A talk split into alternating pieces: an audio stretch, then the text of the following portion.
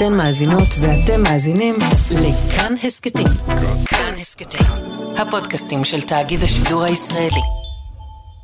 אני עקיבא נוביק, דתי כבר 33 שנים, למדתי בישיבה תיכונית, במכינה קדם צבאית, כיפה לראשי, ואני הולך לטעום בקרוב חזיר.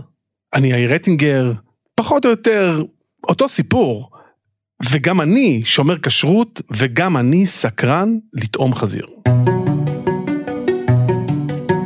היי, אתם מאזינים לעוד יום, ואנחנו מתכנסים כאן כי איגוד הכשרות הכי גדול בעולם מסרב להעניק כשרות לתחליף בשר בטעם חזיר. למה? הסיבה היא פחד בפגיעה ברגשות. החזיר יש בו משהו שחוצה איזה טאבו, שארגון הכשרות הזה לא מוכן לחצות, למרות שהמוצר הזה הוא 100% כשר. אנחנו מדברים על מוצר של חברת אימפוסיבול פוד, הם מייצרים כבר הרבה זמן תחליפים של בשר שלטענתם ממש באותו טעם של הבשר. עכשיו, בתחליף אה, כבש ותחליף עוף ותחליף בקר, אנחנו שומרי הכשרות יודעים להגיד כמה זה קרוב למקור, אבל פה לראשונה בעצם שומרי הכשרות בעולם ידעו מה הטעם של החיה הכי לא כשרה. אפשר להגיד ששומרי הכשרות ייפגשו עם הטבעונים. מכיוון שגם אלה וגם אלה מגבילים את עצמם לא לאכול את הבשר הזה, את הסוג המסוים של הבשר הזה לפחות, במקרה של שומרי כשרות, ושניהם יוכלו לאכול משהו שהוא דומה לו. איזשהו חיקוי שהוא כנראה מאוד קרוב, מישהו טבעוני מלידה, אם יש דבר כזה, לא ידע לעולם אם הדבר הזה הוא באמת בשר, או בשר חזיר במקרה שאנחנו uh, מתעניינים בו, וגם uh, שומר הכשרות, זה שכל חייו שמר כשרות, לא יודע אם זה באמת טעמו של חזיר, אבל השוק הזה, שהוא שוק מתפתח, הוא שוק, שוק תחליפי הבשר, החיקויים של הבשר על בסיס מרכיבים צמחיים, השוק הזה מגיע עכשיו, הוא מטלטל את עולמם גם של טבעונים וגם של שומרי כשרות.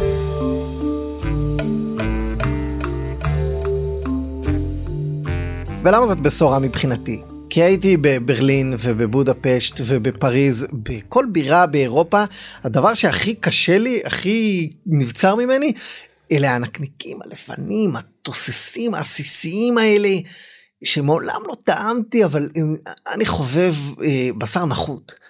והתסיסה הזאת, זה, זה, זה אחד הרגעים הכי יהודיים שהיו לי. ש, שאתה לא יכול לאכול, זה נדמה לי פסגת הנקניקיות, אולי בקרוב אני אדע. יש פה מגוון שאלות עקיבא. ואחת השאלות היא, האם באמת זה יענה על היצר הזה, היצר של להציץ מעבר לחלון, לפרוץ איזשהו גבול שאתה הטלת על עצמך או שההורים הטילו עליך, והוא גבול שמירת הכשרות. האם באמת לאכול את התחליף יענה על הצורך האם, הזה. האם זה, זה כמו זה, אני חייב מאזין או מאזינה שלא עלינו חוטאים באכילת אה, חזיר, שיגידו לי, כשנעשה את הטעימות, ואם אגב זה, זה באותו טעם, אז תשמע, עולם חדש. אני אגב לא כל כך מתפתה מהסיפור של חזיר, זאת אומרת, יש לי סקרנות, אבל... אה, נראה לי שיש מאכלים, מאכלות אסורות, או איסורים אחרים שמעניינים אותי לא פחות, למשל פירות ים. אז בוא נחזור לפני הכל לסיבה שבגללה קיבל החזיר את המעמד העל של החיה הכי טמאה, של החזיר. שמו הוא שם נרדף. שמו ל... הולך לפניו אה, לכל מה שחזירי. הוא המאסטר, הוא המייקל ג'ורדן של המאכלות האסורים. אני קורא פה מפרשת שמיני, ספר ויקרא, בני ישראל במדבר, ממש מתחיל כל הקטע הזה של מצוות ומה מותר ומה אסור. אני בפרק י"א. וידבר אדוני אל משה ואל אהרון לאמור, דברו אל בני ישראל לאמור, זאת החיה אשר תאכלו מכל הבהמה אשר על הארץ. יש פה את הכללים, כל מפרסת פרסה ושוסעת שסע, מעלת גרה, אותה תאכלו. כאן מגיעה הרשימה השחורה. אך את זה לא תאכלו.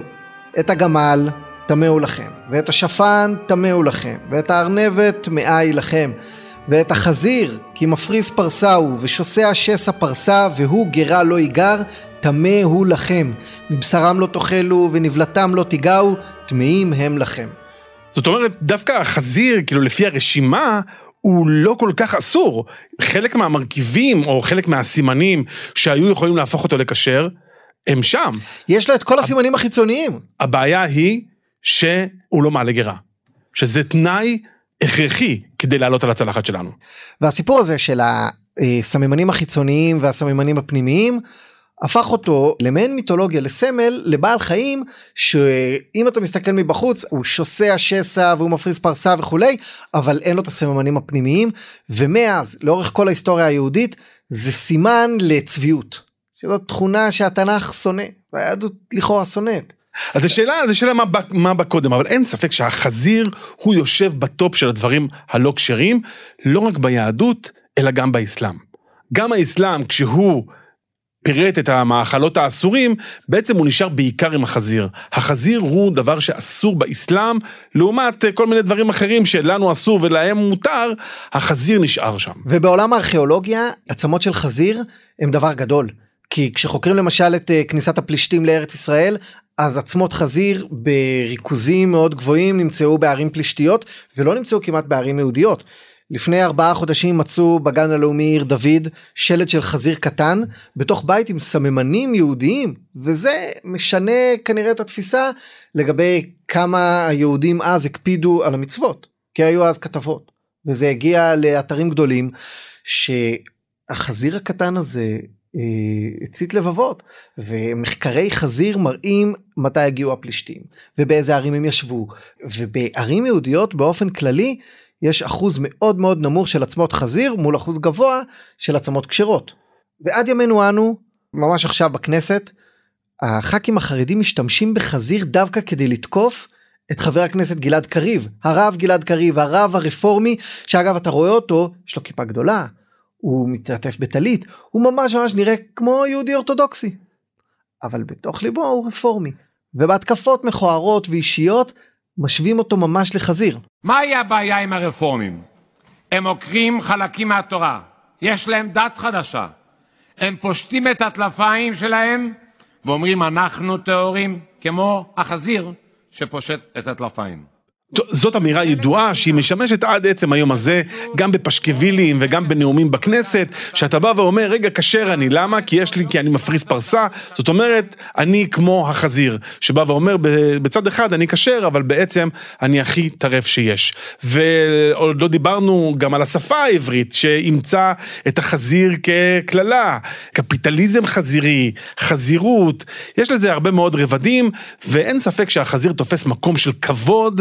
בגלריית הטמאים, הטרפים והאסורים שלנו. אלא מה?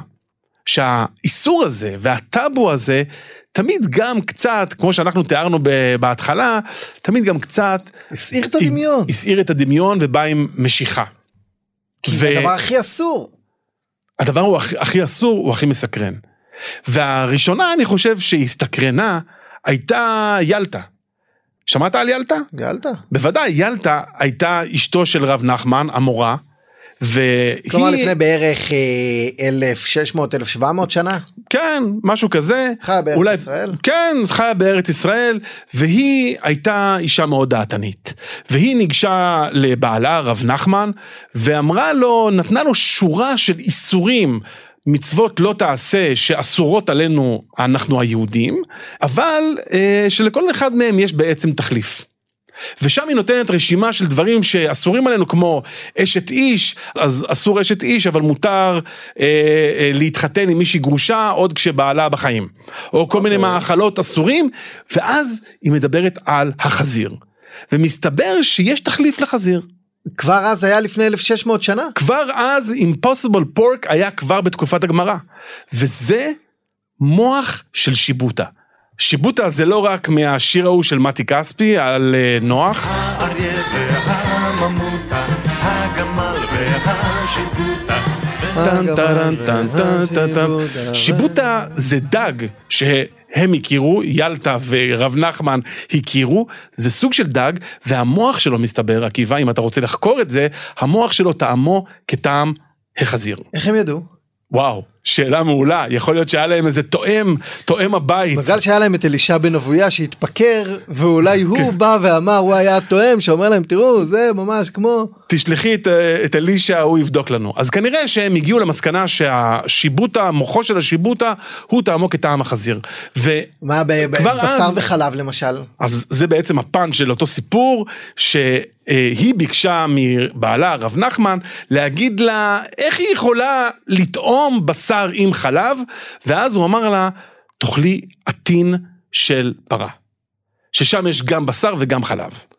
וזה טעמו של, יכול להיות אגב, יכול מאוד להיות שהכל השתבש, אולי דווקא בגלל מה ששאלת, איך הם ידעו, אולי הם לא ידעו, ואולי באמת זה לא היה דמיינו. בכלל קרוב.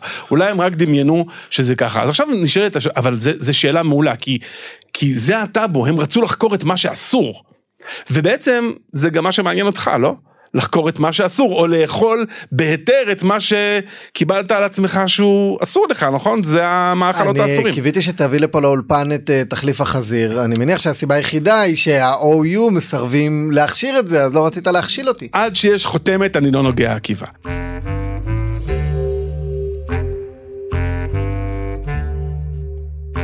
אז בוא נקפוץ אלף ומשהו שנים קדימה, מיאלטה והשיבוטה להיום ולחזיר הבלתי אפשרי, ה-impossible pork, שהחברה שמייצרת אותו יוצאת בקמפיינים נרחבים. Impossible Foods is finally making its plant based pork products available to consumers. Here's where you can find it.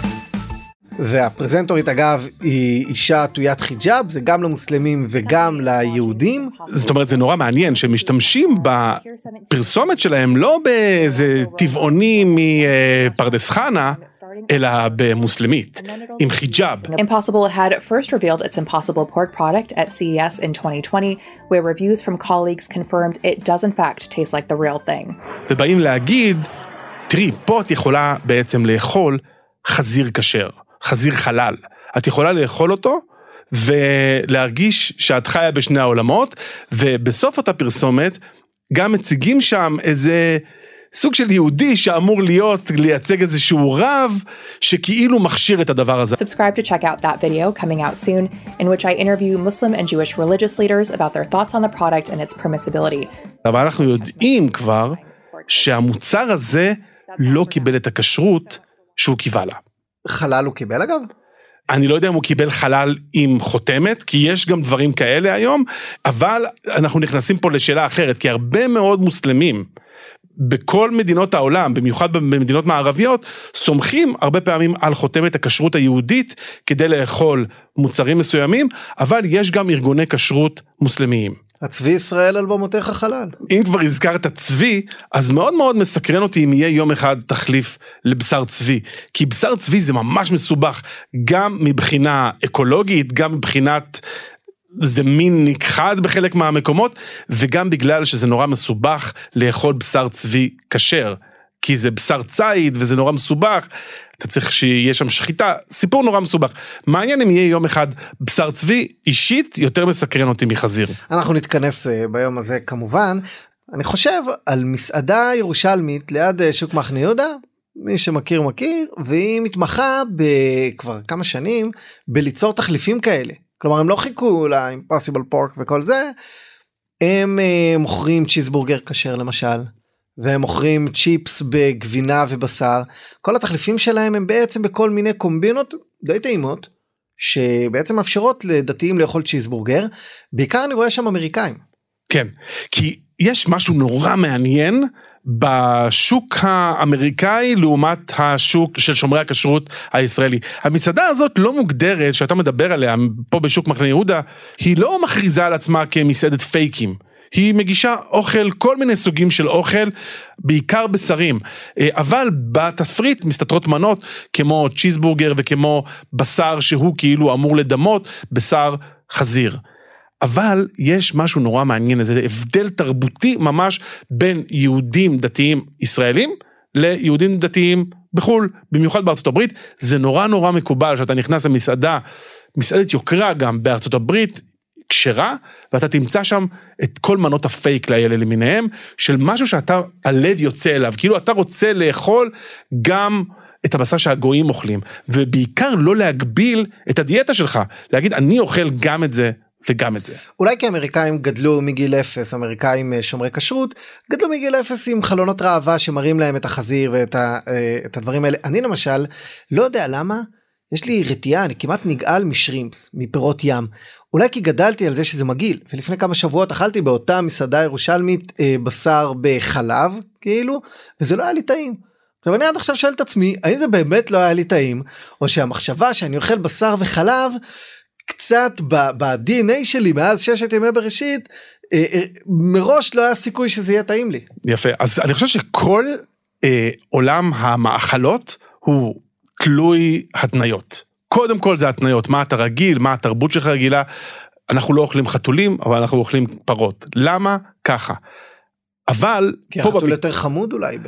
יכול להיות, אבל במקרה הזה אני חושב שנכנסים פה עוד מרכיבים. זאת אומרת, זה לא רק התניות, זה גם כל מיני טאבואים שיש לנו, וכל מיני רגשות וגם כל מיני ערכים. ואז זה כבר מכניס אותנו לשאלה מאוד גדולה על מהי כשרות בעצם. האם כשרות זה רק על המרכיבים, אתה רק דואג שהמרכיבים יהיו ממקור כשר ואז זה הופך את זה לכשר, או שאתה מכניס כאן עוד כל מיני שיקולים. למשל? למשל בזמן האחרון עסקנו בשאלה של בן אנד ג'ריז. בן אנד ג'ריז הוציאו החלטה שלפיה לא משווקים יותר את התוצרת שלהם מעבר לקו הירוק. בישראל יוכלו לאכול בן אנד ג'ריז, אבל בשילה ובבית אל לא יוכלו לאכול בן אנד ג'ריז. ואז בא ארגון כשרות אמריקאי, שקוראים לו כף קיי, ארגון מאוד גדול, שהוא זה שנותן את הכשרות לבן אנד ג'ריז, ואמר, אנחנו בעצם שוקלים האם באמת להשאיר את הכשרות על המוצרים האלה. למרות שהחומרים עדיין יהיו כשרים לחלוטין. לחלוטין. זה לא עניין של כשרות, זה עניין של פוליטיקה, זה עניין של ערכים, אנחנו מעוניינים להכניס מתחת לחותמת הכשרות גם את זה. הסיפור הזה הוא לא כל כך שונה מהסירוב של ארגון ה-OU להעניק כשרות לחזיר. פה לא מצדדים פוליטיים, אלא מצדדים אולי של מראית עין, תרבותיים. אולי של רגשות, תרבותיים.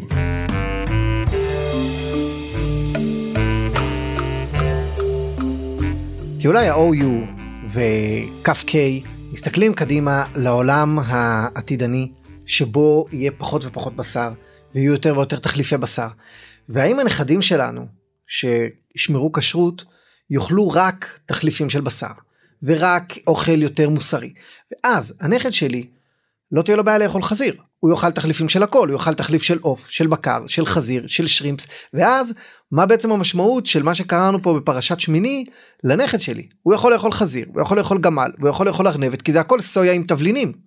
ואז השאלה איזה מסר אני מעביר לו, האם בזה שהוא יהיה שומר מסורת, הוא, המסורת תהיה לא לאכול טעם של חזיר. שאלה מעולה, ואני רוצה להשוות ולהעלות, כי הרי מבחינה היסטורית, הגבלות על מאכלות אסורים וגם דיני הכשרות, תכלית מרכזית מאוד של הסיפור הזה היא להתבדל מהגויים, מהעמים.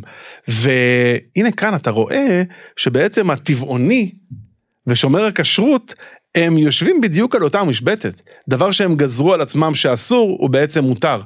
יש דבר נורא מעניין, בניו יורק יש מסעדות שהן מסעדות טבעוניות והן מכריזות על עצמן בשלט ממש בחוץ שזה כשר. עכשיו אין להם תעודת כשרות אבל מכיוון שהם כל כך מקפידים בדיני הטבעונות והם לא מכניסים שום דבר מן החי לא גם לא דבש וביצים אז רגע למה שאתה לא תאכל פה? ואכן באמת בחלק מהמסעדות האלה חלק מהיהודים באמת יושבים ואוכלים. כי לא צריך משגיח כשרות שיבוא ויבדוק לפי השולחן ערוך שהכל תקין, כי יש להם, הסטנדרטים הטבעוניים שלהם כבר כוללים את כל הכשרות. נכון, אז מה עשינו בעצם? זאת אומרת, אם התכלית של דיני הכשרות היא להפוך אותך לנבדל, שתשב ב, במרכאות בגטו היהודי ההלכתי שלך, אז הנה אתה, הגטו הזה עכשיו נפרץ מכיוון שהילדים שלך, עקיבא נוביק ואולי אפילו אתה עצמך, תוכל לשבת ולאכול את אותו מוצר בדיוק, שהוא מסדרת Beyond Meat, Beyond Pork או Impossible Pork.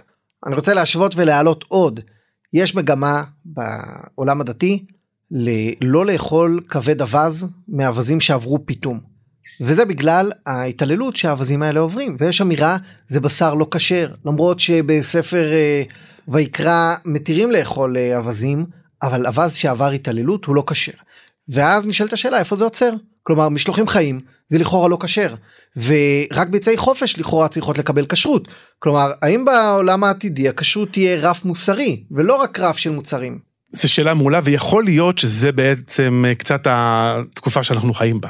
שאם אנחנו התרגלנו לחשוב, או רבנים התרגלו לחשוב, ארגוני כשרות התרגלו לחשוב על כשרות כמשהו די טכני, של מהם המרכיבים, אז פתאום שיקולים אחרים נכנסים לצלחת, ולא רק לצלחת, אלא גם לחותמת הכשרות. כי למה שבגדים שיוצרו בבנגלדש בסדנאות יזע תוך ניצול ילדים יהיו כשרים? למה שהנעליים שלי שעלו דולר אחד וזיהמו את הסביבה למשל וקיבלתי אותן כל כך בזול בגלל ניצול של אוכלוסיות מסכנות אולי גם הן לא יהיו כשרות. אז בוא ניתן לך דווקא את ה... אני אתווכח קצת, ואני אהיה, פרקליט... אני אהיה במקרה הזה פרקליטה של הרבנות המסורתית, זו שאומרת המרכיבים הם אלה שאמורים לקבוע. יכול להיות שדווקא הקביעה הזאת היותר טכנוקרטית שאומרת מה המרכיבים שלך, אם המרכיבים שלך הם בסדר, אז אני אתן לך כשרות, יכול להיות שדווקא היא צודקת יותר בעולם כזה, שבו אתה כצרכן מפעיל כל מיני שיקולי דעת, מצפונים ואחרים. הכשרות תהיה כשרות, ואתה, אם לא מתאים לך לאכול בן אנד ג'ריז, אל תאכל. הכשרות תהיה כשרות, ואתה, אם לא מתאים לך לאכול בשר חזיר, או דמוי בשר חזיר, אל תאכל.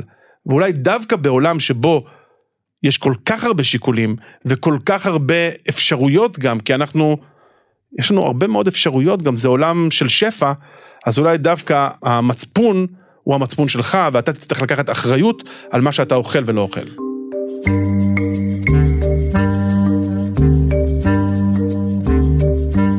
והאתגר הזה כבר מונח לפתחה של הרבנות כחלק מרפורמת הכשרות שמקדם שר הדתות מתן כהנא, למשל בשאלה של אוכל כשר שנמכר במסעדה שפתוחה בשבת. אז כהנא אומר, אתם תגידו לי אם האוכל כשר, הצרכנים יחליטו אם לקנות במסעדה שפתוחה בשבת כשהם באים אליה ביום שלישי. כיום עסק שפתוח בשבת לא יכול להגיד שהאוכל שלו כשר, גם אם האוכל שלו כשר וגם אם האוכל שלו באריזה סגורה עם חותמת של הבד"ץ, הוא לא יכול לקבל תעודת כשרות. וכהנא ותומכי רפורמת הכשרות מאתגרים בדיוק את השאלה הזאת. כלומר רוצים להגיד הרבנות תגיד לנו אם האוכל כשר כלומר כמו סימון תזונתי. אל תגידו לנו מה מוסרי אל תגידו לנו מה צודק מה הוגן מה נכון. תהיו משגיחי כשרות. יכול להיות שזה אפילו עוד בסיסי יותר מזה. עוד לפני שאלת השבת כן או לא, כי שבת זה נורא מסובך, הרי יש מלונות שכן פתוחים וכן מקבלים כשרות, אבל עוד לפני השאלה הזאת, זה יהיה עניין של מצפון וזהות. זאת אומרת, אולי אני ארצה לשבת דווקא במסעדה שמקבלת כשרות מארגון ציוני ולא מארגון אנטי ציוני. ויש כל כך הרבה ארגונים אז אולי אני אוכל לבחור לעצמי את הפוליטיקה שלי. האם הדבר הזה קשור לכשרות? ממש לא. אנחנו רואים עכשיו שכל מלחמת הכשרות היא המון המון על שאלה של זהות, של מי מייצג את היהדות, ובעולם כזה שבו יש כל כך הרבה ארגוני כשרות, אולי האחריות נופלת חזרה אל הצרכן. ואני רוצה לסיים בסיפור קטן שאולי ממחיש קצת מה ההבדל בין חזיר לחזיר. מספרים שלפני כמה שנים, כשנכנס בוושינגטון ממשל חדש אה, של טראמפ, אז הוא הציב כשגריר ארה"ב בישראל את דיוויד פרידמן, שהוא יהודי חם, והוא יהודי יידישאי כזה, חבר uh, מאוד קרוב של טראמפ, ידיד ישראל גדול, ויום אחד הוא ישב עם ראשי המתנחלים. שבאו והציבו לו שורת uh, בקשות, דרישות, רצונות, לבנות פה, ולהכשיר פה, ולהגדיל פה, ו... באיזשהו שלב הוא אמר להם, guys, guys, you, you can be a pig, but don't be a חזיר. והחזיר הזה הוא אולי כל הסיפור שבין הפיג היבש ה... עם הסימון התזונתי שהוא חזיר בכל מרכיביו לבין החזיר. אז uh, don't be a חזיר אבל impossible pork לדעתך זה חזירות או שזה דווקא לגיטימי? נראה לי שאם תהיה כשרות כלשהי אני אוכל את ה-impossible הזה.